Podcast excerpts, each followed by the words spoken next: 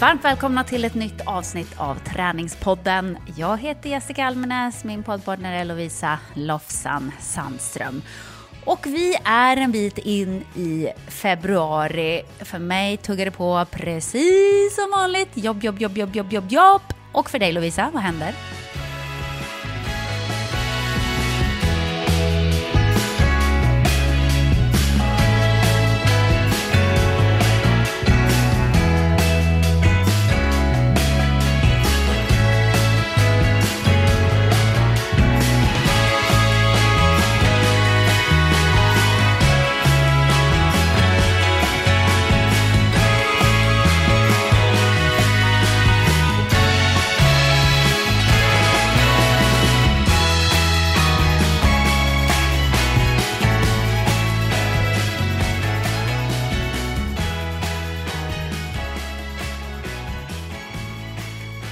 Skickade in min eh, sista, absolut sista uppsats för höstterminens plugg. Så jag gjorde en sån här riktig, åh oh, gud vad skönt. Jag kände mig verkligen som en student på den tiden du vet när man så här, skickar in en uppsats och sen vet man att man har flera dagar innan man behöver göra någonting igen. Istället för att alltid ha grejer hängande över en. Oh. Det är så skönt. Så jag har skickat in uppsats. Nej men annars är det det, det är längdåkning på agendan. Det är bara skidor, skidor och skidor. Det har ju varit ganska varmt i Stockholm. Men du har åkt skidor ja. ändå? Eh, ja, och det är inte jätteroligt att åka i så här jättesockriga konstsnöspår runt, runt, runt, runt, runt på typ en liten gräsmatta. alltså, det är ju inte den, grej, den delen av längdskidåkningen som kanske motiverar mig mest. Eh, nu är det kallare i Stockholm idag när vi spelar in veckans avsnitt av Träningspodden och jag ska göra förmiddagsåkning. Det är också så, enormt stor skillnad på när timmarna går under dagen. Att köra kväll eller morgon förmiddag, då är liksom på morgnarna är spåren lite hårdare. Och sen efter dagen så, ja, det, det faller sönder. Men nu har jag kommit in i den fasen av min träning där jag behöver träna så tävlingslikt som möjligt. Man kan inte, inte bara välja de bästa förutsättningarna för sen är det tävling. Alltså jag vet ju att på Kortvasan, det kommer ju vara Spåren kommer ju vara jättesladdriga, de kommer vara trasiga, jag kommer behöva byta spår massa gånger, så då tänker jag, ah, men det, då får jag liksom träna på det nu. Så att jag klagar inte, men det är inte det mest stimulerande träningen om man säger så. Nej, jag fattar. Och eh, jag kan väl säga att jag har ju inte ens hunnit träna, förutom det som jag alltid gör då, det vill säga basketen och ridningen. Men även där har jag tyvärr missat lite på grund av jobb på sistone. Eh, så det, eh, det är lite frustrerande. Jag känner liksom att när jag går tillbaka till gymmet så kommer jag ha lite grann att ta igen.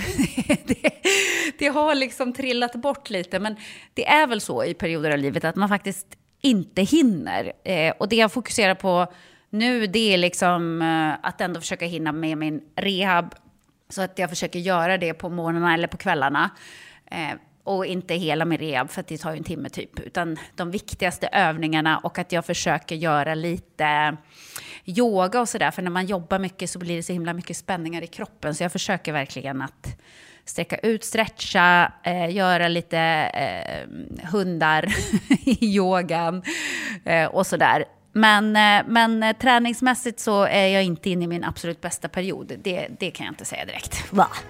Va?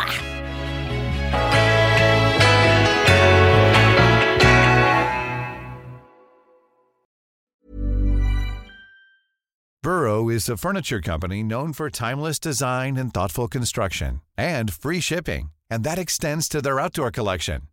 Their outdoor furniture is built to withstand the elements, featuring rust-proof stainless steel hardware, weather-ready teak, and quick-dry foam cushions. For Memorial Day, get 15% off your Burrow purchase at burrow.com slash ACAST and up to 25% off outdoor. That's up to 25% off outdoor furniture at burrow.com slash ACAST.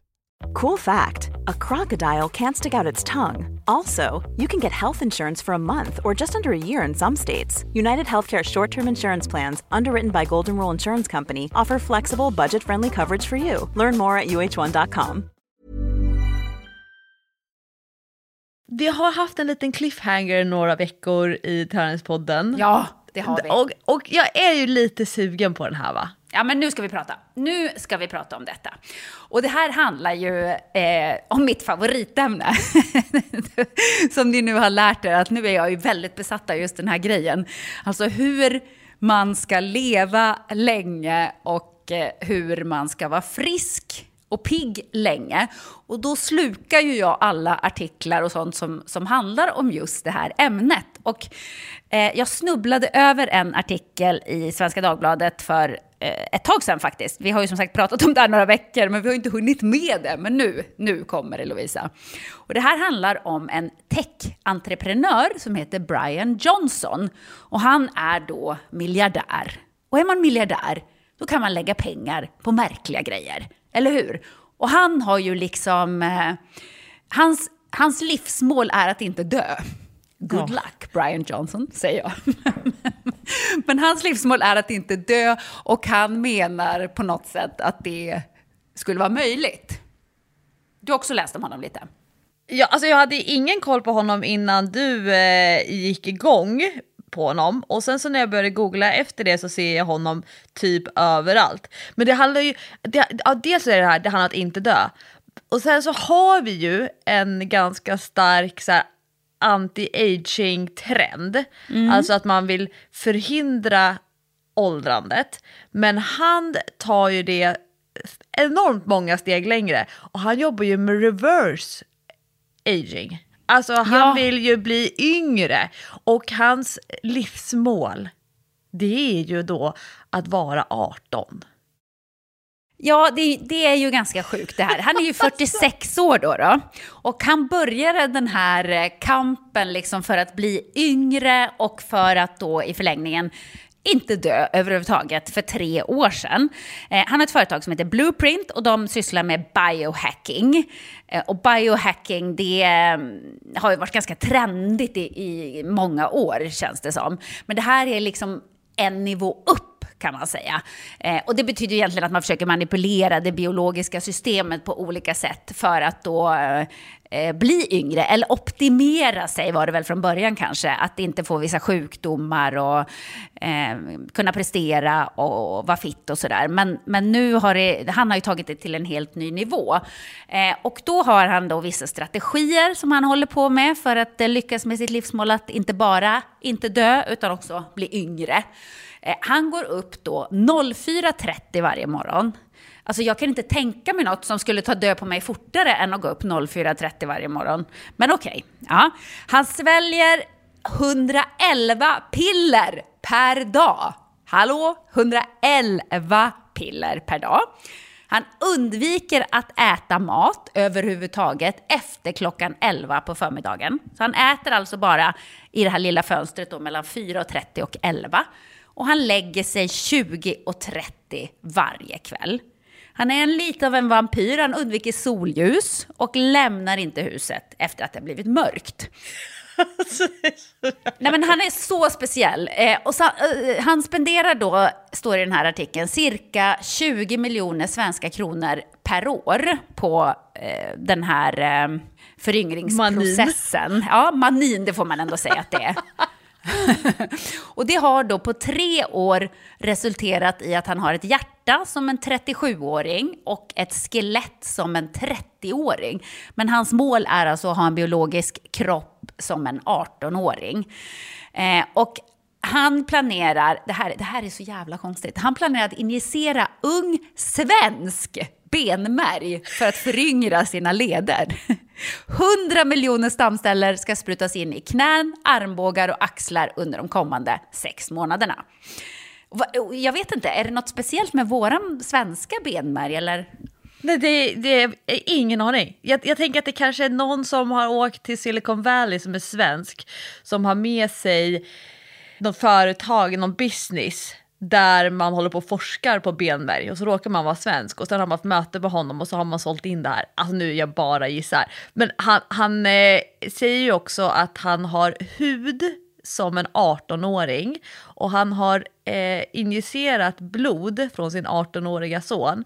Han så säger konstigt. också att han just nu, nu, han är alltså världens mest mätta person. Alltså uppmätta, granskade person. Eh, han åldras just nu långsammare än en tioåring. Nej, men det, det, här är, det här är så konstigt. Han har också, lyssna på det här nu då. Han, han går runt med en keps som strålar skalpen med infrarött ljus. Och han har försökt föryngra sin penis med tjockvågsterapi. Alkohol och droger, som ni förstår, det är ingenting han ägnar sig åt. Och hans diet består till största delen av supergrönsaker. Alltså, jag, jag vet inte vad, vad, jag ska säga. Han bor, liksom, han bor också i Venice Beach. Nice. Men han har, hans hus är som en svartmålad kub, tydligen. Sovrummet, inget som stör. Det finns inga böcker, inga fotografier, ingen mobilladdare, inget vattenglas, absolut ingenting. Förutom en lasermask som ska öka kollagentillväxten i ansiktet och teknologiskt mätinstrument för nattliga erektioner. För det är tydligen ett sätt att studera den biologiska åldern då. Och han börjar då varje morgon med att eh, väga in sig. Han väger sig, han mäter kroppsfett, hydreringsnivå och puls. Och sen genomgår han tre minuters ljusterapi följt av en örontermometer som mäter eventuella kroppsliga skiften. Ja, alltså jag vet inte. Han, eh, han har ju väldigt eh, speciella grejer för sig.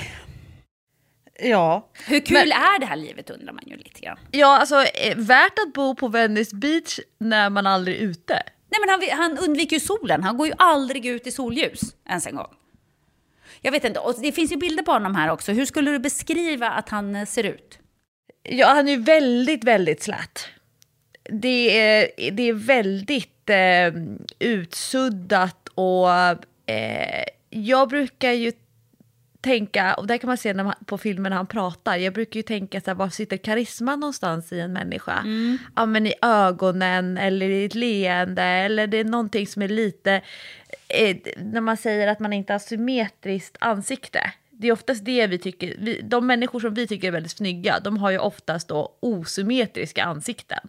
Det här är ju en väldigt symmetrisk person, men jag tycker att han ser lite obehaglig ut. Alltså, jag han tycker ser, att det är lite futuristiskt. Men vet du vad han ser ut som? Det här är så eh, ironiskt eftersom han vill leva för alltid, men han ser ju död ut inuti. Nej, men det är inget liv i ögonen, förstår du? Han, är, han har liksom döda ögon. Det är ju så himla tragiskt, för jag undrar vad är livet värt om man bara lever för att undvika att dö? Det, det är... Eh, ah, det är ju en stor filosofisk fråga, men jag vet inte. Men han säger ju då så här att folk tycker det här är konstigt idag, men han bryr sig inte om det, för han bryr sig om att respekteras av människor 2050, för att då tror han att eh, alla kommer att tycka att det här är helt rimligt. Och ingen kommer att kunna förstå hur man tänkte då eh, långt tillbaka i tiden, 2024, när folk tyckte att han var galen. Utan han kommer liksom att respekteras som att han var först. Eh, och även det här med att dricka alkohol tycker han för att umgås och, och ha gemenskap, eh, det kommer att uppfattas som helt galet 2040, tror han. Eh, Ställer mig tveksam, men jag vet inte. Eh, och sen så, så frågar då journalisten så här, eh, du nämnde att eh, din livsstil har inneburit problem för ditt datingliv. No shit Sherlock.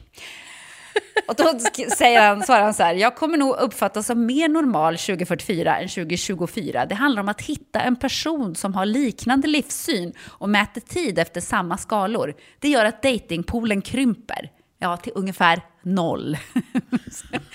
För vem hittar du som orkar leva på det här sättet? Alltså, förstår du? Hans partner måste ju också då gå upp 04.30, mäta allting, får inte äta något efter 11, får aldrig gå ut i solen. Det är inte så lätt att hitta en sån person kanske. Nej, och det finns ju också en ganska sårig och blodig och... Eh, ja, jag tror att det är inte så många, jag tror det är flera människor som inte mår så bra i en rättstvist mellan honom och hans ex. Där hon hävdar dels då hans extremt kontrollerande sidor som inte då handlar bara om att kontrollera sig själv mm. utan även sin partner. Men där när hon fick bröstcancer så gjorde han slut. Va? För att det funkar ju inte riktigt i hans livsstil. Alltså, ja, jag vet inte. Det här känns ju bara... Jag, jag tänker på hans barn. Han har tre barn tydligen. Hur mår de? Liksom Ja, utställs de för det här också? Måste de också leva så här? Det är ju inte självvalt på något sätt. Men jag, jag är inte säker på att han mår så himla bra, Brian Johnson. Han hade ju, 2004 så fick han ju en depression, eh, en djup depression, och han var deprimerad i tio år. Eh, och nu, liksom tio år senare, så eh, lever han så här. Det, det vittnar inte om en person som mår toppen, det kan jag inte säga. Det tycker jag man ser i hans ögon också att han inte gör. Men jag vet inte. Men sen frågar han liksom också så här, ja men vad händer om du då eh, skulle dö i en olycka? Skulle det liksom vara slöseri med tiden då? För det kan ju hända. Alltså han kan ju dö av en olycka eller någon sjukdom som han inte kan förutspå eller vad det nu kan vara. Men då, då tycker han att, eh, att det skulle vara ganska episkt ändå. Om han dog för tidigt så skulle det vara så bra ironi. Eh, att det skulle liksom vara ett komiskt sätt att gå bort på. Jag, jag vet inte. Jag, jag blev nyfiken dels på 111 tabletter om dagen. Jag, har ju, jag, jag har ju svårt att svälja en tablett. Jag vill ju gärna ta eh, fiskleverolja. Jag, eh, jag, jag, jag tycker att det är kul att, ta, prova olika tab- tabletter. Men det kan ju ta tre timmar efter att en sån där tablett har fastnat lite grann i svalget innan liksom det släpper helt i att det typ känns som att det trycker lite grann. Men 111 tabletter om dagen med olika typer av kosttillskott. Och då blev jag lite nyfiken då, men vad är det för något, något kosttillskott som han tar? Då är det ofta i anslutning till måltider. Ehm, och då så säger han taurin, är liksom, det, var, det, det var väldigt viktigt. Jag, det kommer så här, han har olika typer av listor på de här kosttillskotten. Men eh, klorella, det har vi ju haft en liten, det var ju en liten sväng där i Sverige. Det var väldigt många som skulle hänga, eller lägga klorella i sina smoothies. Men väldigt mycket olika typer av aminosyror, kreatin, kollagenpeptider och sen så var det eh, ska vi se, eh, mycket så här, vitlök, ingefäragrejer, äppelcidervinäger, hampafrön. Och sen så kör han, ska vi se på den här listan, eh, när han vaknar, eh, ashwagandha, B-komplex, Broccomax. Jag antar att det är typ eh, antingen om det är Berocca eller om det är eh, samma grejer som finns i broccoli. Mm, Kakaogrejer, glukosamin, potassium, eh, litium, orat, lykopen, lysin, proferin, taurin igen, zink. Vad är taurin På- egentligen? Innan du fortsätter. Taurin är, det är väl det som är i eh, Red Bull va? Det var väl Ida Warg som hamnade i blåsväder för hon menade att hon skulle aldrig dricka Red Bull för taurin kom från tjurtestiklarna eller något sånt där. Ja, det Men det är väl ett typ, uppiggande. vadå? ja, det är något uppiggande. Det är inte från eh, tjurtestiklar. Zink var Melaton, zink. Eh, alltså det är ju egentligen sånt som du kan köpa i en vanlig hälsokostaffär. Det som är på listan. Men då ska man komma ihåg att det på listan är ju såklart det som är lagligt. Eh, ja, melatonin 300 mcg. Eh, det antar jag är mikromilligram kanske? Det måste han ju ta på när han 300. ska lägga sig då, 2030. När han ska, ja, det var så va. Men det som var intressant som eh, eh, jag tyckte i alla fall var intressant. Han har ju börjat nu hyfsat nyligen säger han med botox. Och det är väl det, det har han ju gått ganska hårt på. Eh, det är ju som att ingenting kan röra sig någonstans Nej, nästan. exakt. Men, exakt. men eh, han, när det handlar om hans eh, fyra steg här, hudvårdsrutin, då är det inte sådär som vi kanske skulle kunna tänka att man går på det allra mest exklusiva, dyra produkterna, utan då är ju det här klassiska, jag uttalar det CeraVe, men jag vet inte hur det uttalas. Men på riktigt, det kan jag ju gå och köpa på mina, mitt apotek här i kvarteret bredvid Inte särskilt dyrt är det heller. inte särskilt dyrt. Och det här blev ju som att folk liksom, va?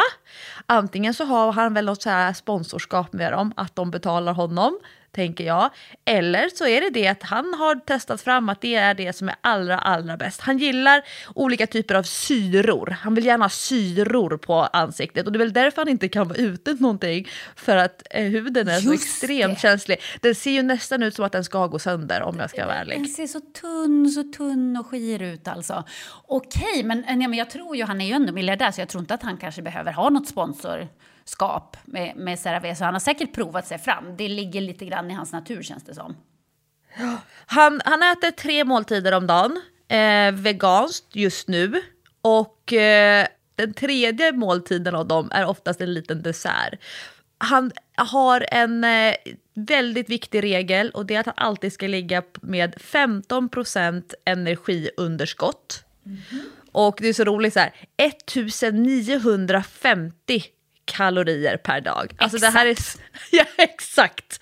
Och eh, han eh, tränar, det här tyckte jag var intressant med träningen.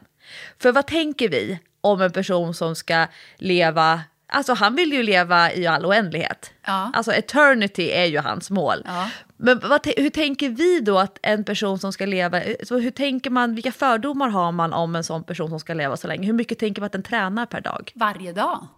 Alltså Ja. varje dag tänker man att den både gör kondition och eh, någon form av styrketräning. Och säkert rörlighet också. Och hur eh, länge eller hur många pass varje dag? Eh, Kanske två pass om dagen, alltså morgon, kväll.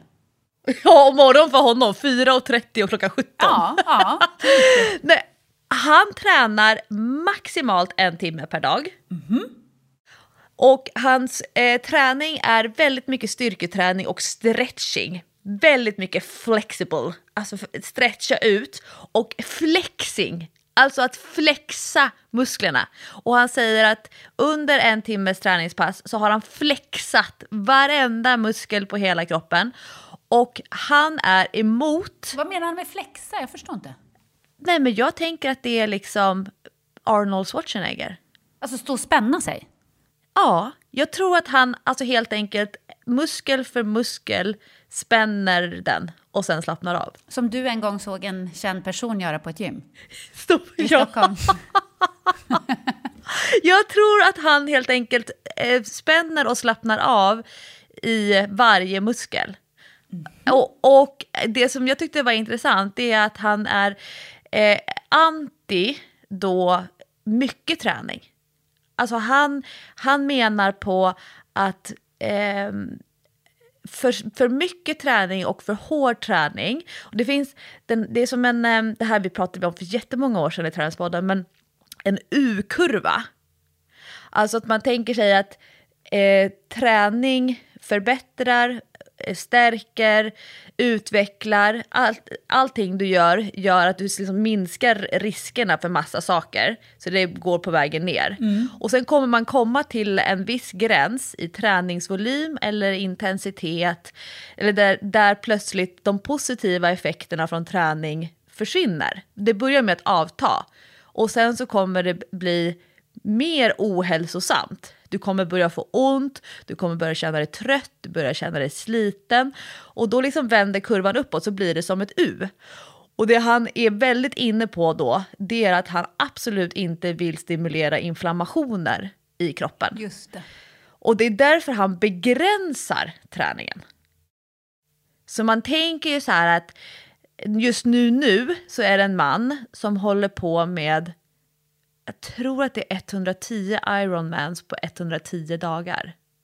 Eller någonting sånt där. Han ska göra fruktansvärt många Ironmans en gång om dagen. Ja, han, han, kommer inte att leva till eh, 2500.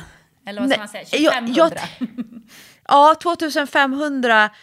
Den här mannen vill ju leva på 2500-talet säger Exakt, han. exakt. Men, men det blir ju liksom, då kan man ju snacka om inflammationer i kroppen när man håller på med sån där Ironman märklig streak som också är på någon maniskt fast i ett annat område. Nej, så att han begränsar träning. Det tyckte jag var intressant. Ja, jag, jag tyckte också det, men samtidigt så bekräftar det ju min tes lite grann. Allt det här som du nu säger bekräftar ju lite grann min tes om Japan. Du vet, jag har ju pratat här om Japan eh, ganska många gånger och hur fascinerande det är, hur pigga deras gamla människor är och hur gamla de faktiskt blir. Och, och då är det ju två grejer som du var inne på, det här med 15 procents kaloriunderskott. Intressant, för att i Japan så äter man sig ju inte proppmätt. Eh, alltså nu pratar jag inte om alla japaner, men på, eh, på vissa ställen där man lever väldigt länge, Sakinawa heter väl den ön tror jag. Eh, och så. Utan man äter sig liksom 75 procent mätt. Och det kan ju göra med att man inte har råd med begränsad, eh, eh, eller med, med obegränsad mat, ett överflöd liksom som vi har här hemma kanske. Att vi kan ju liksom äta oss proppelipropp-mätta om vi vill. Och har ofta istället kaloriöverskott. Men i Japan så ligger de liksom generellt på Eh, kaloriunderskott. Och du vet inte, de räknar förmodligen inte exakt 15 procent, 1950 kalorier. Men, men alltid att man ligger liksom lite under att man inte äter sig över gränsen. Och sen också det där med träning tänker jag på. Som, jag upptäckte när jag var där i Japan nu på jorden runt-resan och var med de här eh, gamla människorna som tränade varje morgon. Det är ju ingen eh, eh elitträning. Liksom, de är ju inte utpumpade, de ligger ju inte på marken och flåsar och har träningsverk i tre dagar och sådär. Utan det handlar ju om den här basic-träningen. Kanske inte stå och flexa som Arnold, men eh, rörlighet, stretch, lätt styrketräning, komma upp lite grann i flås. Och de gör det varje morgon, håller på ungefär en timme. Och det är den träningen som de gör. Eh, och så ser de ut som de gör, unga i kroppen, verkar pigga i huvudet, lever länge. Eh, så där tror jag verkligen att man är någonting på spåren. Men så tänkte jag på en annan sak och det var det här med att han var just nu vegan. Jag vet inte om du har sett det, men det är ju en trend just nu att eh, många som har levt som veganer eller vegetarianer har liksom övergett den livsstilen och gått tillbaka till att äta kött. Eh, det här har jag också läst en artikel om och det tyckte jag var ganska fascinerande. Att, och en del beskriver det som att det var som att kroppen behövde någonting som jag inte kunde få i mig med min veganska kost. Och, och där, det där tror jag fan mig också på. Att jag tror att, eh, att våra kroppar eh, behöver eh, vissa ämnen som man kanske inte får i sig med hjälp av vegansk kost. Jag tror att vi är vi är ju liksom stenåldersmänniskor. Vi, vi har ju ätit kött från början. Det är ju liksom, har ju hängt med i vår evolution. Jag tror att det är någonting som kroppen behöver. Och jag tänkte också på den här eh, influencern som dog för ett tag sedan. En, jag tror att hon var amerikan eller om hon var från Australien eller vad det var. Hon levde ju på fruktdiet. Men hon svalt alltså ihjäl. För att hon bara åt frukt. Inte så att hon liksom blev inlagd och låg som ett skelett för att hon var så mager. Men kroppen, eh, kroppens organ la ner helt enkelt för att eh, hon fick inte i sig de näringsämnena som hon behövde. Så där vet jag inte, men han har ju säkert gjort grundlig undersökning på det och det är väl taurinet och alla de här pillerna han stoppar i sig som ska kompensera för det. Men normala människor proppar ju inte i sig 111 piller om dagen när de äter veganskt till exempel. Men det, det, är ju intressant för Jonas Kolting är ju också inne på det här med optimering och leva länge och biohacking. För det är det som det här blueprint-företaget som Brian Johnson eh, håller på med. Det, det är mycket det här med att hacka kroppen. Och Jonas Kolting är ju alltså totala motsatsen när det handlar om veganism och näringsintag. Alltså hans levergryta, det är ju hans absolut bästa, bästa knep. Men kan du berätta hans filosofi lite? Hur tänker han då? För han är ju liksom inne på samma spår, men han tänker helt annorlunda. Ja, ja, ja. Och, alltså, det är periodisk fasta och det, det äh, äter ju även Brian Johnson utifrån. Ja. Med Brian Johnson så blir det ju självreglerande, det är för att han går och lägger sig så tidigt. Men Brian Johnson äter ju som du sa sin sista måltid 11.30. Mm. Och en klassisk periodisk fasta numera, som man, det här ändras ju eh, ut efterhand, men det är ju att man inte äter före klockan 12 på dagen och inte äter efter klockan 8. Så bara det är ju en skillnad i så här, vad man säger är periodisk fasta. Ja. Eh, och eh, sen så, jag tror Jonas Kolting, han kan ju köra ganska många dagar på raken. Och han kan ju träna mellan två och fyra pass per dag under de perioderna. Jonas Kolting tränar ju fruktansvärt mycket för att vara i den åldern han är i och utan att ha eh, den här elitsatsningen som man eh, har hållit på med när han har varit yngre. Men han tränar ju ändå, trots att egentligen så är det ju ingen, att det inte krävs för att kunna prestera på världsmästerskap i triathlon till exempel. Men det är väldigt mycket rött kött, rått kött tillsammans med väldigt mycket smör och avokado. Och eh, Jonas Kolting, jag gillar ju människor, jag själv är ju inte sån, men jag gillar ju människor som är sjukt tydliga med sina budskap. Som är, är extremt välformulerade, duktiga retoriker, eh, argumentationstekniker, Eh, sen så kan ju jag liksom vara så här, va, stämmer det om det är något påstående? Men samtidigt så är ju den personen extremt övertygad om att det är så här som det känns bäst för just den här personen. Eh, så jag håller ju verkligen inte med om allting som Jonas Kolting hävdar, men jag tycker det är jätteintressant att läsa och eh, framförallt att läsa alla kommentarerna som folk skriver och delar med sig av sina egna upplevelser när de testar sig fram olika saker. Eh, men Jonas Kolting har ju en, en eh, hans antites, eller vad man ska kalla det för, det är ju socker. Och han eh, gillar ju inte den här stora kolhydratvurmen för vanliga motionärer. Eh, han menar ju på att kolhydrater inte alls har de positiva effekter för uthållighetsidrott och prestation så som till exempel Riksidrottsförbundet och Riksidrottsförbundets dietister hävdar. Eh, sen har han blivit överbevisad. Det var någon gång när han menade på att, jag tror att det var en cyklist som eh, eh, han hade som ett case för att bevisa att titta här, man behöver inte kolhydrater för att prestera på långa lopp. Och sen så visade det sig att den här cyklisten åt jättemycket kolhydrater. Mm, men ja, men, men eh, å andra sidan, om, om Jonas Kolting inte smygäter en massa kolhydrater hemma själv så vet vi att ja, men för honom funkar det extremt bra att prestera under lång tid utan att äta kolhydrater. Men då ska man komma ihåg, vi vet ju inte, nu pratar jag inte om Jonas Kolting, men vi vet ju inte hur människor lever jämfört med hur de säger att de lever. Vi vet, och det har ju kommit case efter case efter case, när en person som har varit extremt tydlig i sitt budskap mm. och sen så visar det sig efteråt att ja, man levde nog inte så själv.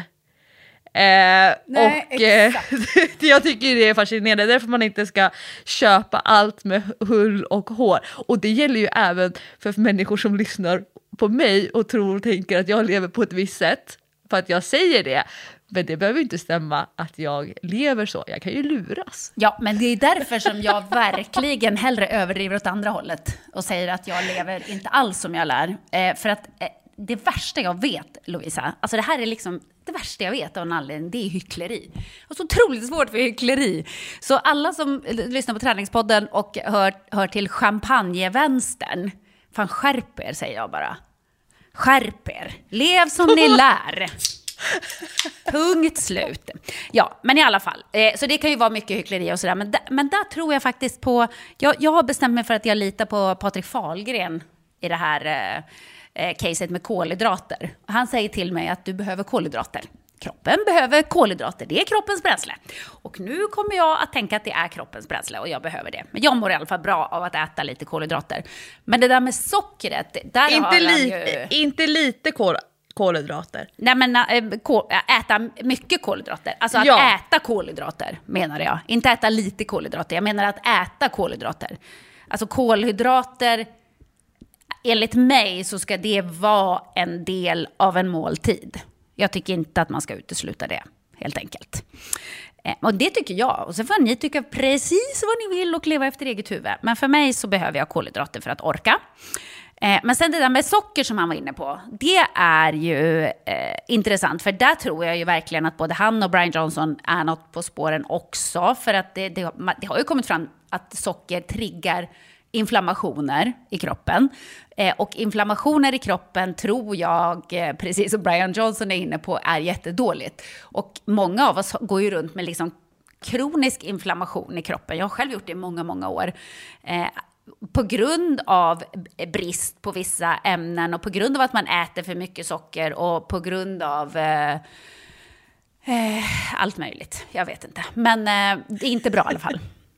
Nej, jag tror det, det, de specifika livsmedlen som eh, Jonas har pekat på, det var eh, risifrutti. Mm -hmm. Hur alla tonåringar som käkar risifrutti och tränar hårt. Ja. Det, det tyckte han, det var liksom sämst. Eh, och jag kan ju trycka i mina barn risifrutti när det är mittemellan två träningspass till exempel, eller när man ska med sig matsäck när man ska åka på kupp och, och grejer. Um, men jag tänker ju att det sockret behövs. Sen behövs det ju andra grejer också. Men jag käkar ju också en, min eh, lopppizza kvällen innan eh, en tävling. Ja, men vet du vad jag tänker också med risifrutti och tonåringar? Jag tänker att det är mycket bättre, jag köper också hem risifrutti och har det i kylskåpet. För jag tycker det är bättre att de tar en risifrutti än att de eh, blir panikhungriga innan träningen och går och köper godis eller chips eller vad det nu kan vara. För det är liksom tonåringshjärnan. Det, det kopplar bara så här, jag är så himla hungrig och sugen, mm, köper choklad. Det är ju mycket sämre än att käka en risifrutti. Då känner då får de i alla fall i sig någonting som mättar lite grann och som ger lite energi. Så, så där tänker jag att eh, man föredrar det.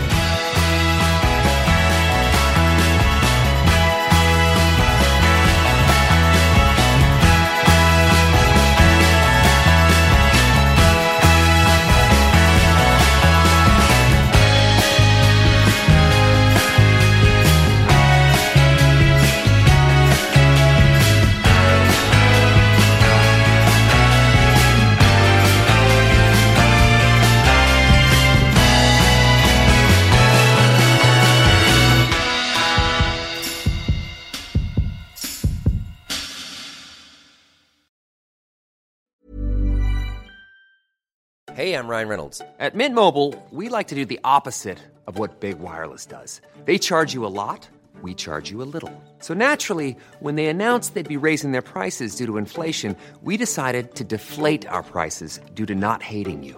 That's right. We're cutting the price of Mint Unlimited from $30 a month to just $15 a month. Give it a try at mintmobile.com slash switch. $45 upfront for three months plus taxes and fees. Promo rate for new customers for limited time. Unlimited more than 40 gigabytes per month. Slows. Full terms at mintmobile.com. There's never been a faster or easier way to start your weight loss journey than with PlushCare. PlushCare accepts most insurance plans and gives you online access to board-certified physicians who can prescribe FDA-approved weight loss medications like Wigovi and Zepbound for those who qualify. Take charge of your health and speak with a board-certified physician about a weight loss plan that's right for you. Get started today at plushcare.com slash weight loss. That's plushcare.com slash weight loss. plushcare.com slash weight loss. Vi är även denna vecka sponsrade av Rusta och det passar perfekt för det är ju full vår ute nu. Man kan vara ute utan att ha dunjackor och tio lager kläder, det gillar man. Äntligen, äntligen! Varje vår tycker i alla fall jag att det känns som att det är ett helt nytt liv som börjar. Jag kan sitta ute, jag tycker om att känna solen värmer ansiktet. Och för mig är det liksom, det, det är ett njut. Älskar att vara ute. Och Rusta, det är vårens bästa vän för de har allt för det här nya livet, utomhuslivet. Ja, precis. Vi har ju tidigare berättat att Rusta har ett brett sortiment av i princip allt som du behöver till din uteplats. Och jag har eh, snackat mig varm om solcellsbelysning. Det tycker jag är kanon. Du var inne på ljusslingor och krukor, Lovisa. Men oavsett vad man behöver så får man mycket för pengarna hos Rusta när man ska förvandla och förnya sin uteplats. Hur är det hos dig Jessica? Har du några favoriter när du ska piffa upp er utomhusmiljö? Ja, men det har jag faktiskt. Jag gillar att det känns lite loungeigt. Så jag brukar ju satsa på att köpa någon ny utomhusmatta. För att de är väldigt prisvärda hos Rusta. Så det tycker jag är en stor favorit. Jag ska säga vad jag är sugen på. Berätta. Jag tycker ju att det är bra att ha kuddar som man inte behöver ta in. Det står absolut på min lista för den här våren. Ja. Ja. Det ska vara lätt att ta sig ut. Kuddarna ska bara ligga där, redo att ta emot den. Ja, man älskar sånt som man inte behöver plocka ut och in. Och då säger nog jag att grejer till utegymmet, alltså vi pratar hantlar, kettlebells, foam roller, sådana saker är också för mig vår, att vara ute, det är låg tröskel till att träna och så kan man liksom ta in och ta ut. Och Rusta har riktigt bra hemmaträningsgrejer. Och jag tänker så här, ja, men man sitter och hänger där i sina kuddar och så kan man träna. Och så kan man hänga och träna. för alla våra lyssnare så är ju träning en viktig del av utomhusmiljön, det vet jag. Vi uppmuntrar och uppmanar våra lyssnare att njuta av utomhuslivet och kolla gärna in Rusta när ni vill uppgradera er utemiljö. Kolla in rusta.com, men framförallt besök ett Rusta varuhus och få inspiration till ditt nya uteliv. Vi säger tack till Rusta! Stort Men eh, apropå det där som du sa, vem du tror på. Du sa jag tror på Patrik Fahlgren. Ja. Kan- Vi kan säga det är din sambo då ifall det var någon som hade, ifall vi har någon ny Ja, lyssnare idag. ja, ja. Eh, jag pratade faktiskt med det, om det med mina eh, ungdomsidrottare eh, som jag coachar. Och då håller vi nu på med eh, väldigt mycket så här chins och pull-ups träning. Och eh, då ska man ju komma ihåg att de flesta kan inte göra chins med kroppsvikt. Men man vill kunna det. Man vill kunna hänga sig i räcke och dra sig upp. Och sen beroende på liksom vad, ja, men tjej versus kille, var man har sin barlast. Det är klart att tjejer, liksom, man har ju mer kurvor, mer på liksom, kurvigare rumpa och lår och det blir tungt att lyfta upp. Och samtidigt så är chins och pull-ups en viktig del av fysträningen. Det ligger i eh, den här The Golden, jag kommer inte ihåg vad den heter, men när, när man ska göra fystester för SOK till exempel, så ska man kunna köra, då, ska, då är det chins, det är hängande benlyft, det är dips och sen är det brutalbänk, när man liksom hänger upp och ner och så ska man göra sit-ups. Och det är ju sjukt tunga kroppsviktsövningar. Men då håller vi på nu eh, med excentriska chins, excentriska pull-ups. Så att istället för att man gör massa chins med gummiband eller att man kan redan göra några chins men man, att man bara tränar på det så lägger vi på extra kroppsvikt. Så vi hänger på viktplattor och så klättrar man upp och så bromsar man ner. Och så klättrar man upp och så bromsar man ner. Och eh, det här är ju för dem ett helt annat sätt att träna på versus att gå till utegymmet och hänga sig i räcket och försöka liksom göra några chins. Och då kom jag vi in på det här filosofiska. Då sa jag så här, men vet ni, det spelar egentligen inte så stor roll vilket träningsprogram ni har för chins. Men om ni är övertygade om att det här programmet kommer funka, om ni verkligen tror på ert koncept, då kommer ni att få resultat. Det program som man utför och som man också tror på kommer att ge resultat. Och då märkte jag att de så här, ja men tror jag på det här? Ja det gör jag, säger de. Ja men då kommer det att funka. Problemet är ju när man inte tror på ett träningsprogram och ändå gör det, men man gör det inte tillräckligt länge. Man anstränger sig inte till sitt bästa. Men just den här övertygelsen om att en tilltro till programmet, det, har liksom, det är en viktig framgångsfaktor. Och det bygger då på att det här, det- jag har börjat lyssna på, det här är så, alltså det här är så fjantigt, jag kan skämmas för det. Berätta. Men jag har börjat lyssna lite grann på så här amerikanska motivational speaks, eller speeches. Eh, som då är, alltså det är ju jätte, Är det sådana här TED-talks eller? Nej? Nej, nej, Nej. Ska jag spela upp en, eh, ska jag spela en? Ja, gärna. Eh, då ska jag ta ur min hörlur här, får vi se om Gabriella kan klippa in så att det här funkar. Äh, det här är ju, alltså jag, jag skäms. Få höra. Men jag tycker att det är lite inspirerande. Nu tar jag ut mina hörlurar. Keep showing up. If no one invests in you, invest in yourself. If no one believes in you, believe in yourself. Even if you don't see the results right away, keep showing up until you do see the results. Even if you don't see the results for a very, very long time, keep showing up. What if the results don't come? They're not going to come if you quit. Keep showing up. I'm tired. Keep showing up. I don't feel like it. Keep showing up. I can't see any results. Keep showing up. I don't know where to start. Just start. Do something. Take that first step. Every step you take adds up. And sooner or later, you'll look back and see that you're at the top of the staircase.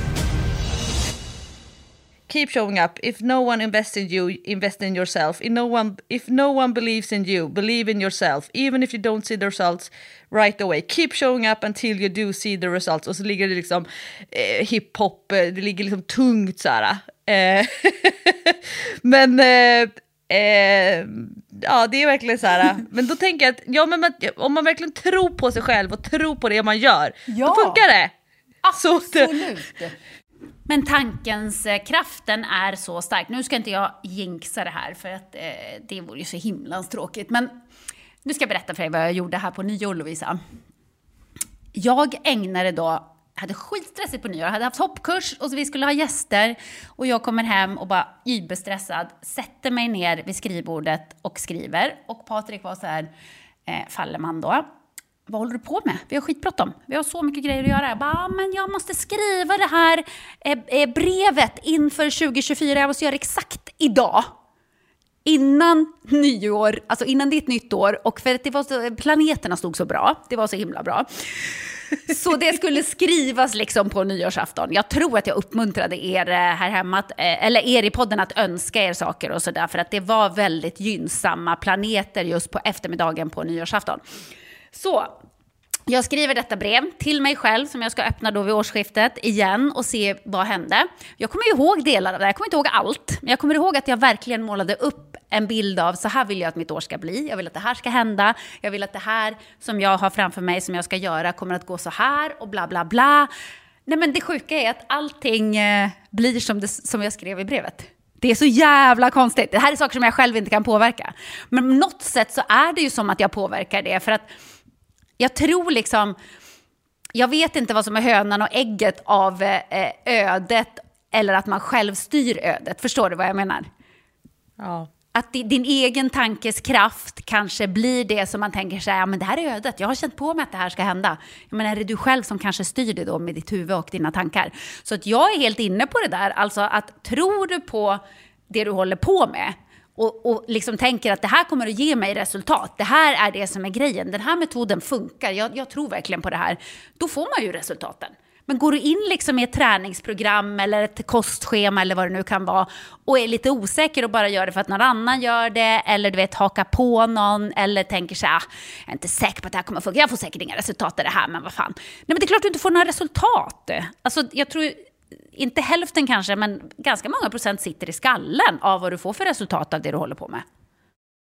Ja, och jag tänker då, om vi har Brian Johnson eh, som eh, på något sätt eh, grundfigur, galjonsfigur för veckans avsnitt av Träningspodden. Han tror ju verkligen med enormt stark övertygelse om att det här är grejen. Ja. Och då kommer det väl funka. Ja, men jag, ja, alltså jag tror inte han kommer leva för evigt. Det, det tror jag inte. Så, Men han kommer så ha roligt tror på jag vägen. inte tankens kraft kan påverka faktiskt. Att vi kommer att leva för evigt. För det tror jag, det tror jag är omöjligt. Både idag och år 2500. Men vem vet? Jag kanske, det kanske blir att eh, mitt uttalande kommer att landa som internet är en fluga. I don't know. År 2500 när han Exakt. fortfarande inte går runt på Venice Beach. Nej, Och han bara tar fram träningspodden. Listen to these girls talking. They said I was mad. But I was right all along. Mm, så kan det bli. Men nu ska du få höra Lovisa här. Det här är så kul. Eh, för det här är liksom samma sak fast ändå inte. Samma sak fast motsatsen kan man säga. Men det här är något som verkligen ger mig hopp om att vi kanske inte kan föryngra oss. Eller jo, kanske. Men att vi kan liksom hålla våra kroppar eh, pigga och friska länge och leva ett aktivt liv länge. Och då tänker jag att varje år räknas ju mer på något sätt. Om man kan vara pigg och frisk och orka göra saker. Jag tänker att åren kanske räknas mindre om man inte orkar gå utanför lägenheten och eh, inte har något socialt umgänge och sitter och glor på tv hela dagen eller stirrar in i väggen. Då kanske, då kanske ett år inte är lika mycket värt som om man kan vara aktiv och verkligen leva på något sätt. Och det här Fylla jag... upp det eller? Ja, men, alltså jag menar, inte, kanske inte fylla upp med massa, massa grejer, men att man... Att det, att det är värt någonting. Det är lite det jag tänker med Brian Johnson. Okej, du kanske lever skitlänge, men hur mycket har alla dina år varit värda med den här regimen som du har, alltså är det verkligen ett liv? Och gå upp varje morgon och käka sina 111 piller och göra en massa mätningar och bara tänka på att undvika allt som är kul. Alltså jag förstår liksom inte att hur kan det... Om han, när han ligger på sin dödsbädd som han kommer att göra en dag, kommer han att tänka så här, gud vad bra att jag, att jag ägnade halva mitt liv eh, åt att eh, försöka inte dö och det var skittråkigt. Vi, vad jag slösade bort min tid. Alltså jag hoppas ju att han kommer att tänka det, men det kanske han inte gör, jag vet inte. Men nu ska du få höra eh, om en annan man här. Han heter Richard Morgan. Han är liksom antitesen nästan till Brian Johnson. Eh, och det här har jag läst i Washington Post, kan jag säga. Som jag också kan rekommendera om ni känner så här, jag måste skaffa mig eh, lite annan input än man får från våra svenska tidningar. Så tycker jag att man kan ha en prenumeration på Washington Post. För att de har jättemycket intressanta artiklar. Och speciellt om man som vi gillar hälsa och träning och sådär. De är väldigt mycket inne på det. Och den här Richard Morgan, han är alltså irländare, 93 år gammal. Han är en eh, världsmästare i inomhusrodd. Alltså på roddmaskin. Roddmaskin! Ja, fyra gånger har han blivit världsmästare i inomhusrodd. Eh, och hans kropp är i ah, samma skick som, alltså inte på utsidan, för jag ser hur han ser ut, han ser ut som en gammal man. Han ser ju yngre ut än 93, absolut. Men han ser liksom, han ser inte ut som eh, Brian Johnson, det gör han inte. Men på insidan så är hans kropp eh, som en hälsosam 30 till 40-åring. Hur coolt är det då? Han har alltså jättelåg eh, kroppsfetts procent. Och han började träna väldigt sent. Nu ska ni få höra. Förlåt, det står på engelska här så jag måste bara titta eh, snabbt. Jo, han började träna regelbundet när han var i, håll i er, 70-årsåldern. Hur coolt är det? Hur coolt är det? Nu är han 93. Han började träna regelbundet när han var i 70-årsåldern. Han har gjort det de senaste 23 åren alltså. Men han började när han var 70 så alla människor som säger så här, nej men det är för sent, jag har aldrig tränat i mitt liv, jag kan inte börja nu och det är ingen idé att jag gör det här nu för det kommer ändå inte att ge några resultat eller bla bla bla. Snälla, det är aldrig för sent. Kolla på Richard Morgan, för fan, han började träna när han var 70, nu är han fyra gånger världsmästare i inomhusrodd och han har en inre kropp som en 40-åring. Alltså, det, det här är så jävla sjukt tycker jag. Och sen har han ju kört på, han har ju rott skitmycket, verkligen. Men eh, här säger de då att det visar att eh, nu läser jag det här på engelska, för det är lättare än att jag ska sitta och översätta det rakt av. Så står det så här. We are still learning about starting a late life exercise program. But the evidence is pretty clear that the human body maintains the ability to adapt to exercise at any age. Det vill säga att oavsett hur gammal du är när du börjar träna, börjar träna regelbundet, börjar på ett träningsprogram, så är kroppen kroppen, våran kropp kommer att ta till sig träning. Den kommer att bli eh, starkare, bättre. Eh, du kommer liksom att få resultat även om du börjar träna när du är gammal. Så det är aldrig för sent, helt enkelt. Och den här ehm, eh, forskaren då, Scott Trappey, tror jag han heter. Eh, han har då studerat inte bara Richard Morgan, som kanske är ett undantag, utan han har studerat många äldre idrottare då. Eh, eller människor som börjar träna när de har varit gamla. Eh, och det står, han säger också att eh, eh Morgans eh, fysik då visar att eh, det behöver inte vara så att man tappar väldigt mycket muskler eller aerobisk kapacitet när man blir gammal. Utan man kan faktiskt hålla i. Och man ska inte tycka att det ska vara det normala. Utan som Richard Morgan till exempel, han har ju byggt sin fysik efter 70. Han har ju förbättrat mm. sin fysik tusen procent efter att han var 70 år. Uh, exercise could help us build and maintain a strong, capable body whatever our age. Eh, och så säger han så här att ja, ja, eh, Morgan kanske har genetiska fördelar som alla inte har. Så kan det absolut vara, för tydligen så är det många som är ganska bra på att ro i hans familj. Så att han har liksom just de egenskaperna kanske han har ärvt. Men att man kan förbättra sin fysik, det är ju inget unikt för Richard Morgan. Och det här tänkte jag, det här är så himla upplyftande på ett helt annat sätt än Brian Johnson, för det är ju ingen som kan ingen, men det är väldigt få i världen som kan ta efter hans livsstil. För vem har råd med det? Vem har tid med det? Alltså, vem har eh, tillgång till den forskningen? Det är ju väldigt, väldigt få. Men eh, den här Richard Morgan, honom kan vi ta efter. Det är aldrig för sent. Och det betyder inte att vi är i ett ständigt förfall när vi blir äldre. Tvärtom så kan vi faktiskt bli starkare. Vi kan känna oss yngre, vi kan känna oss spänstigare. Det kanske inte alltid syns på utsidan, men det viktiga är ju vad man har för ålder inne i kroppen, tänker jag. Jag var tvungen att kolla upp Richard Morgan. Ah, vad kul! För det som, är, ja, men det som är roligt med roddmaskin, det är ju att man kan jämföra. Roddmaskin, då är det ju, man behöver inte ta hänsyn till vatten, alltså till vågor, till strömmar, till vind. Det är ju i princip inget balansmoment. Det är därför roddmaskin, alltså roddmaskinstävlingar har ju blivit ett sjukt stort koncept för att vem som helst typ kan vara med. Jämfört med när det är rodd ute på, alltså i Oxford på floden. Det är ju liksom, det är nästan omöjligt. Det är ju skitsvårt att ro på vatten. Eh, då var det en eh, frågestund i eh, eh, Washington Post med eh, hans barnbarn. Åh, kul! Och då Som frågar- är hur gammal? då- Ja, det var... Alltså, jag kan, kan, kanske är 50. det vet jag för. Jag vet inte. Grandson står det bara. Men då är det Mike som frågar eh, What has your granddad's 2K times been over the years? Alltså 2000 meter tider. 2000 meter på roddmaskin. Och då säger han, ja men eh, Rickards, eller Richards bästa tävlingsrekord i årsgruppen då sub 79, alltså under 79 år. Då var det 7 minuter och 24 sekunder. Eh, när han var i under 84 årsgruppen, för det är ju femårsgrupper när det är master eh, tävlingar, det är ju i alla, i alla idrotter.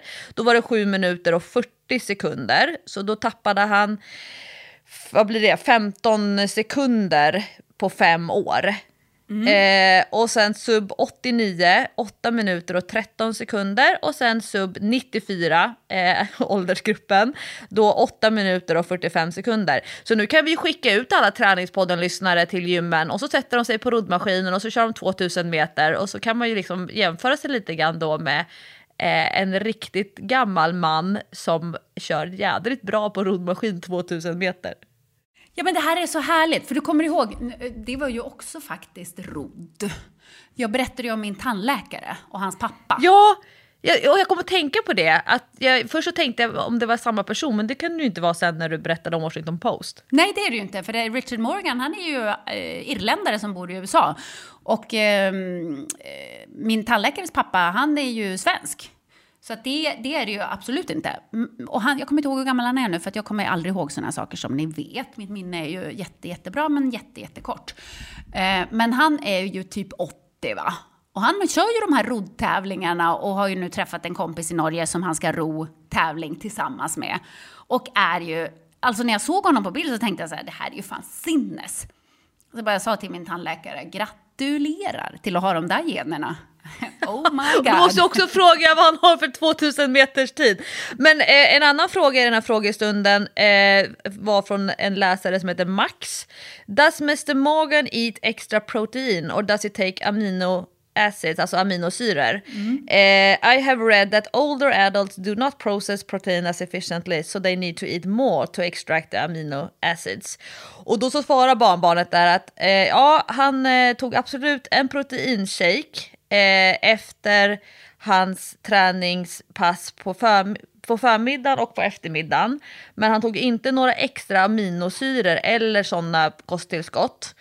Eh, men att det viktigaste det är att få eh, protein från riktig mat. Eh, och den här, det här barnbarnet tar upp det med att eh, proteinbehovet, eller snarare att protein, eh, extra protein, proteintillskott, gör större skillnad för den här målgruppen. De här äldre äldre tjänar mer på proteintillskott än de här 20-25-åriga killarna. Alltså att det gynnar, i den här äldsta målgruppen så gynnar proteintillskott mer. Att det kan vara svårt att äta så mycket som eh, behövs. Om man skulle kunna eh, 1,8 gram eh, protein per kilo kroppsvikt. Men eh, eh, så att, eh, för det vet man ju att man får sämre aptit när man blir sådär jättegammal. Mm. Och att då är det svårt att äta så pass mycket protein som man skulle kunna göra med hänsyn till att vara en, en tränande äldre äldre och därmed ha ändå ett fortsatt högre proteinbehov. Men det har man ju sett liksom, i forskning nu, att proteintillskott faktiskt funkar väldigt bra för ju äldre man blir. Men de som tar proteintillskott regelbundet, det är ju snarare de yngre som kanske inte har samma, eh, där det inte är riktigt samma effekt. Ja, men det här är ju faktiskt eh, också intressant, för det tänkte jag på när jag läste artikeln om Richard Morgan, att han har ju då ganska låg kroppsfettsprocent. Alltså de skriver som en whippet, och jag tror att whippet kanske är en, en klass i boxning. Om jag nu bara sitter här och killgissar. Det är säkert någon som vet, då får den gärna skriva. Men eh, tänk att det är kanske, så här, vad kan det vara, flugvikt eller något. Ah, ja, någon lättviktsklass i boxning skulle jag gissa på. Och då antar jag att man har ganska låg fettprocent. Eh, och, och då tänker jag på annan forskning som säger så här, men det är bra att vara lite överviktig när man är äldre. Då är det bra att ha lite extra hull. Men uppenbarligen så är ju Richard Morgan en otroligt vital 93-åring och han har definitivt inget extra hull. Så jag vet inte riktigt eh, vad jag ska tänka om det. Vad tror du? Eh, jag har lyssnat ganska mycket på ganska mycket samtal som har handlat om eh, det där extra hullet eh, och varför det, när man mäter och tittar på eh, för tidig död och sjukdom och sådär. Eh, och då finns det ju olika teorier, eh, förklaringsmodeller till varför det inte är bra att vara för smal eh, när man är gammal. Den ena är ju att man, eh, det är ju väldigt stor risk att man dör av cancer när man blir gammal. Mm. Eh, alltså, man dör ju av ålder, men väldigt ofta så finns det ju någon cancer eh, i kroppen också. Eh, men det är att man helt enkelt då har större marginaler för viktnedgång. Mm. Så att mm. är du, är du smal och blir sjuk så eh, klarar kroppen inte av det. Och att eh, för äldre äldre, snabb viktnedgång, det är ju en jättestor varningssignal. Det är det ena. Men sen så vet vi också när det handlar om eh, risken för fallskador, eh, att för äldre äldre så finns ju det här med att man eh, halkar och så, eller ramlar från den, man ska klättra upp på sin pall för att ta ner serveringsgrytan eller vad det är. Um, att, uh, och så blir det ett benbrott och så hamnar du på sjukhus och sen så liksom kommer man aldrig tillbaka därifrån. Och då kan man ju se att lite mer underhudsfett helt enkelt är en stötdämpare. Um, men det jag tänker på med den här roddaren, um, då vet man ju att han har ju muskelstyrka. Och muskelstyrka är ju också en viktig friskfaktor. Ja. Att kunna ta emot sig när man ramlar. Och det är ju där styrketräningen kommer in på ett annat sätt än de här äldre som bara är ute och promenerar. De får ju inte samma typ av, uh, det som man på engelska kallar för resistance training. Um, och jag har ju min svärmor som nu är 90, ja, gammal. Och 90, hon 90 gammal. 90 gammal, jag ska inte säga för då jag kanske säger fel. Men hon har ju alla sina gummiband, de sitter alltid uppfästa på armstödet på den tunga pjäsen, alltså den tunga fåtöljen, du vet sådana klassiskt mm. som gamla människor har.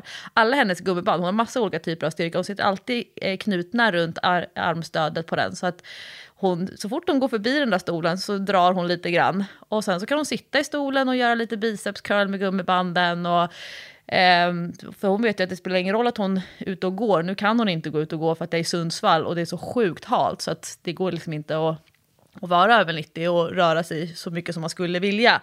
Men då är ju liksom den här motståndsträningen, den är ju jätteviktig eh, har det visat sig. Och det är på många äldreboenden, nu, gud vi hamnar verkligen in i döden här nu, men på många äldreboenden så har man ju faktiskt blivit bättre på att implementera resistance training, gummibandsträning, Um, inte bara som en, en, individuell rehab, utan att det helt enkelt är en dag, alltså en del av dagen, programmet för dagen för de här boende.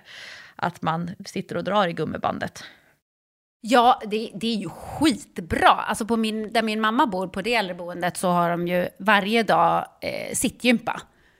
Och det tänker jag också är skitbra grej verkligen. Så man är med så mycket som man klarar beroende på vad man har för krämpor och sådär. Men det är ju i alla fall någon slags rörelse och den är daglig.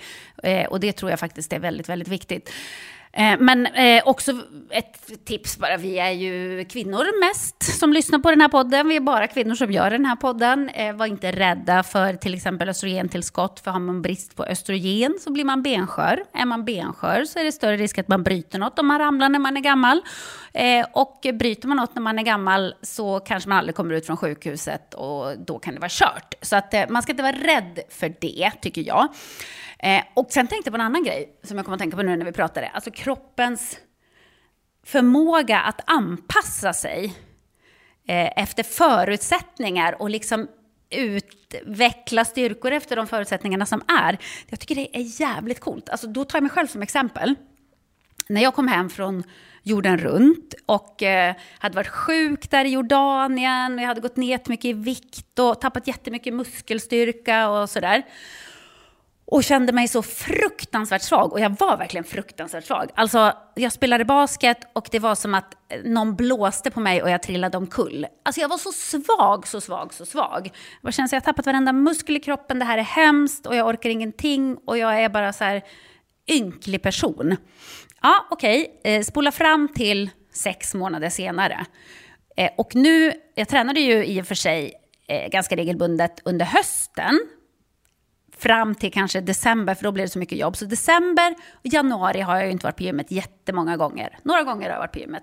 Men jag har inte alls kunnat köra styrketräning eller liksom någonting muskeluppbyggande överhuvudtaget.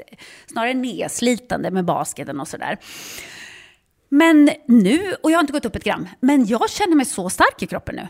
Alltså det är precis som att det är samma kropp som jag hade innan när jag var stark och hade kanske 5-6 kilo mer muskler på kroppen. Jag känner mig lika stark. Alltså jag känner, du vet på basketplanen, jag är stark, jag kan stå emot, jag har liksom kraft, power. Det är som att min kropp nu bara har anpassat sig. Jaha, okej, okay. ja men nu är vi här. Ja, men eh, då kör vi på det då. Då anpassar vi oss efter det. Att den först upplevde så här, jag är jättesvag nu, oh, har den på något sätt eh, hämtat hem. Är inte det sjukt? Jo, men det är det som är så fascinerande, att man aldrig ska som jag säger, att man ska aldrig låta första sättet i styrketräningen definiera en. Åh, jag känner mig så svag. Åh, jag har så dålig teknik. Utan så här, nej men keep showing up. Och så kommer kroppen vänja sig och så kommer det kännas bra. Det är ju, det är ju häftigt att vi är så plastiska, så flexibla på det sättet. Ja, det, kroppen är jävligt cool. Alltså. Fortsätt, fortsätt, fortsätt. Ja. Traggla på och tro på det du gör, det är lärdomen. Och sen en annan grej som jag har tänkt på, Lovisa. Nu kanske inte det här liksom stämmer på alla, förmodligen inte. Men kanske stämmer på någon. Och då kanske de behöver höra den här tanken. Eh, det är nämligen det här med kvinnor och utbrändhet. Det är väldigt vanligt att kvinnor i din och min ålder eh, blir utbrända. Jag tror att det är liksom den vanligaste gruppen som blir utbränd. Kvinnor mellan nu sitter jag också och killgissar, men skit i det. Eh, 30 och 50. 35 och 50 kanske. Det stämmer faktiskt. Skulle jag tro. 35 och 50. Det, det finns det statistik på, så det stämmer. Ja, bra. Härlig killgissning ändå. Eh, mm. Nej, men, men och då, då tänker jag så här, nu stämmer ju det här absolut inte på alla. Men för mig så tror jag att det verkligen var så att det var ju min ADHD som gjorde att jag blev utbränd. Det var ju liksom inte egentligen eh, någonting annat än det. För att nu när jag eh, har fått en diagnos och är medicinerad och tar medicin varje dag, så jag har ju jobbat mer än jag gjorde under mina mest intensiva år eh, sen augusti. Alltså det har nästan inte gått en dag utan att jag har jobbat. Jag har inte jobbat normala tider. Jag har jobbat liksom tidig morgon till sen kväll. Jag har jobbat fruktansvärt mycket och varit borta mycket och jobbat. Och var borta eh, typ två och en halv månad hela hösten och jobbade varje dag. Men jag fixar det. Det går. Alltså det går, absolut. Jag känner att jag är trött, jag behöver sova eh, och sådär. Men jag är inte nära att gå in i väggen. För det är en helt annan känsla. Alltså jag har fortfarande ganska gott humör. Jag känner mig inte överbelastad eh, på det sättet som jag kände mig när jag blev utbränd. Jag har inte prestationsångest som jag hade förut, utan den kan jag verkligen hantera. Jag kan gå iväg till jobbet och tänka så här, ja, men nu hann jag inte riktigt göra alla de förberedelserna jag skulle för jag hade så mycket annat. Men det här kommer gå bra, det här kommer bli kul, det här, inga problem, det löser vi, pum. Och går in med det liksom med den energin. Det är en jätte, jättestor skillnad. Eh, och sen läste jag en artikel om det faktiskt, att eh, många gånger så är det diagnostiserad eh, ADHD eller ADD eller någon form av autism eller något liknande som, som gör att eh, kvinnor eh, blir utbrända och går in i väggen. Det hänger ofta ihop med en NPF-diagnos som man då inte har fått ännu. Så det är inte för sent för det heller. Det var någon som skrev det på min Instagram. Det är för sent att få en diagnos i din ålder och börja äta medicin. Fast det är det verkligen inte. För om det har förbättrat mitt liv med 500 procent det har det verkligen gjort. Så det var, det var ännu en tanke som jag hade med mig in i dagens träningspodd. Får jag, får jag ställa en fråga om det då? Självklart. Ja.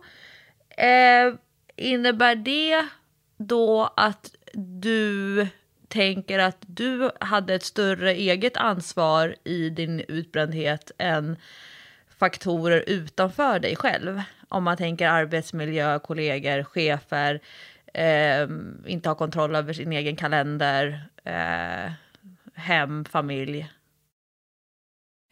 Jag tänker att... Eh, jag tänker att det, kan vara, att det är lite delat ansvar. För att jag signalerade faktiskt att jag eh, orkar inte. Jag håller på att gå in i väggen, jag mår inte bra. Och det märktes väl också både på fysiska symptom men också hur jag blev personlighetsförändrad när jag blev utbränd.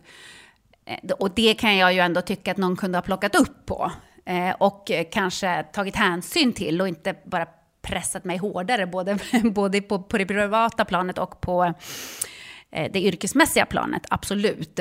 Men jag tror jag vet inte om jag kan säga att det är mitt eget ansvar, för jag visste ju inte att jag hade ADHD. Jag hade ju inte en aning om det, så hur skulle jag kunna ta ansvar för det? Jag visste ju bara att jag klarade inte av att hantera alla de bollarna i luften. Det, det gick inte. Jag kunde liksom inte eh, stänga av datorn som jag ibland jämställer min hjärna med, att den är som en dator, att det var de här 500 flikarna öppna som blinkade hela tiden, eh, även på natten. Och det gick inte att stänga av och det gick inte att starta om datorn och det, det funkade liksom inte. Och till slut så la den bara av. Då var det bara så här, kaboom, stängd. Och, och då kom jag inte åt någonting. Då var det bara godnatt. Eh, och, och det vet jag inte om det, jag kan säga att det var mitt eget ansvar. Men jag kan säga att hade jag då haft min diagnos redan och varit medicinerad, då hade jag nog inte gått in i väggen. Det tror jag inte. För då hade jag kunnat hantera de situationerna som var eh, utan att det hade behövt gå så långt, tror jag. Mm. Om det var svar på frågan. Ja, det var, det var verkligen... För, för det tänker jag att andra också kanske funderar över om man känner igen sig där du var då, nu. Ja, eh, exakt. Och, och, sen så säger jag så alltså, det kan ju bero på andra saker, att man blir utbränd. Men för mig så har jag i efterhand tänkt att det är klart att det handlar om det. Eh, att min hjärna klarade inte, klarade inte av eh, att ha alla de fönstren upp, öppna samtidigt. Det gick bra så länge det var jobbet, men sen när det kom in massa privata grejer också eh, som störde, krävde uppmärksamhet, ehm, eh, skapade ångest och sådär, då, då blev det krasch. Och det hade jag hanterat bättre eh, nu till exempel. Nu så går det jätte, jättebra för att jag har liksom... Även om jag har många flikar öppna så är det ett fönster. Och sen kan jag bara trycka på en flik. Men nu går jag in på den här fliken och tittar och tar tag i det. Men det är liksom inte alla fönster öppna samtidigt som mm. blinkar Vilken konstant. fin symbolik. Ja, men jag tänker att då förstår man lite grann hur, hur det eh, ser ut i min hjärna.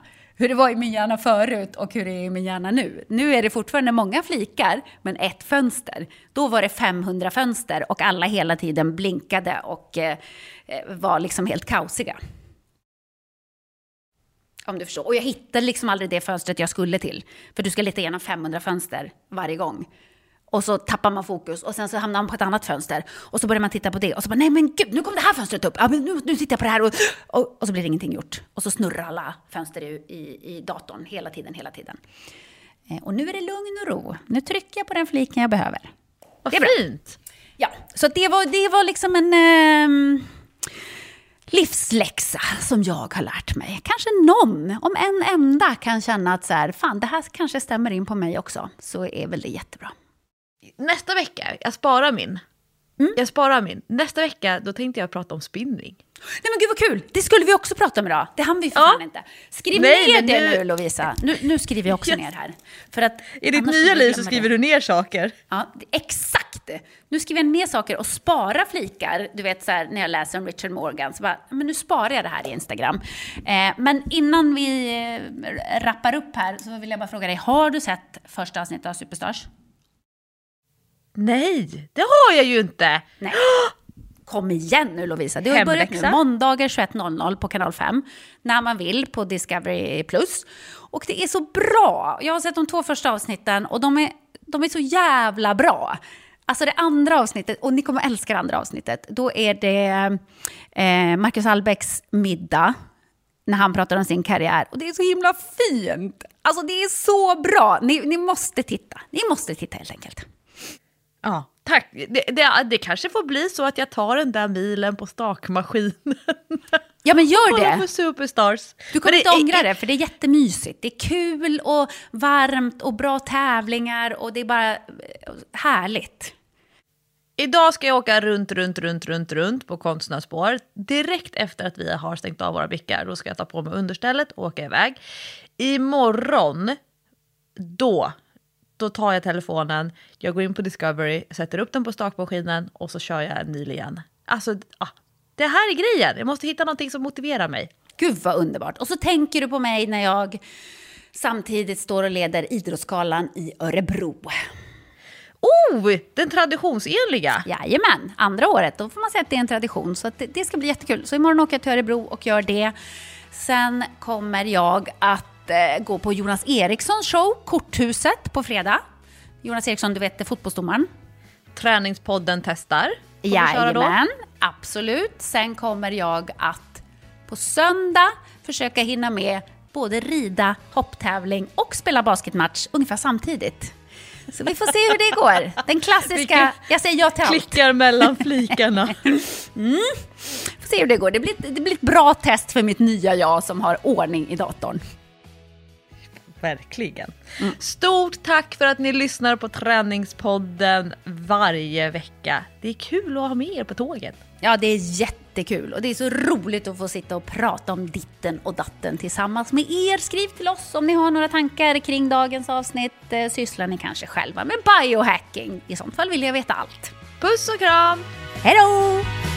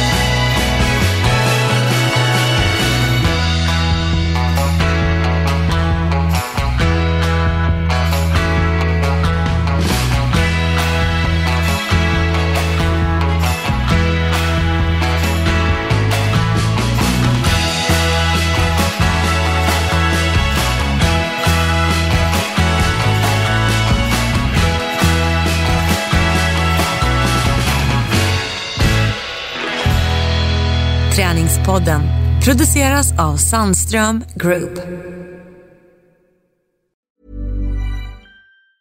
Hi, I'm Daniel, founder of Pretty Litter. Did you know cats tend to hide symptoms of sickness and pain? I learned this the hard way after losing my cat, Gingy. So I created Pretty Litter, a health monitoring litter that helps detect early signs of illness by changing colors, saving you money and potentially your cat's life. Pretty Litter is veterinarian developed, and it's the easiest way to keep tabs on your fur baby's health right at home. Go to prettylitter.com and use code ACAST for 20% off your first order and a free cat toy. Terms and conditions apply. See site for details. Mom deserves the best, and there's no better place to shop for Mother's Day than Whole Foods Market. They're your destination for unbeatable savings, from premium gifts to show-stopping flowers and irresistible desserts. Start by saving 33% with Prime on all body care and candles. Then get a 15-stem bunch of tulips for just $9.99 each with Prime. Round out Mom's menu with festive rosé, irresistible berry chantilly cake, and more special treats. Come celebrate Mother's Day at Whole Foods Market.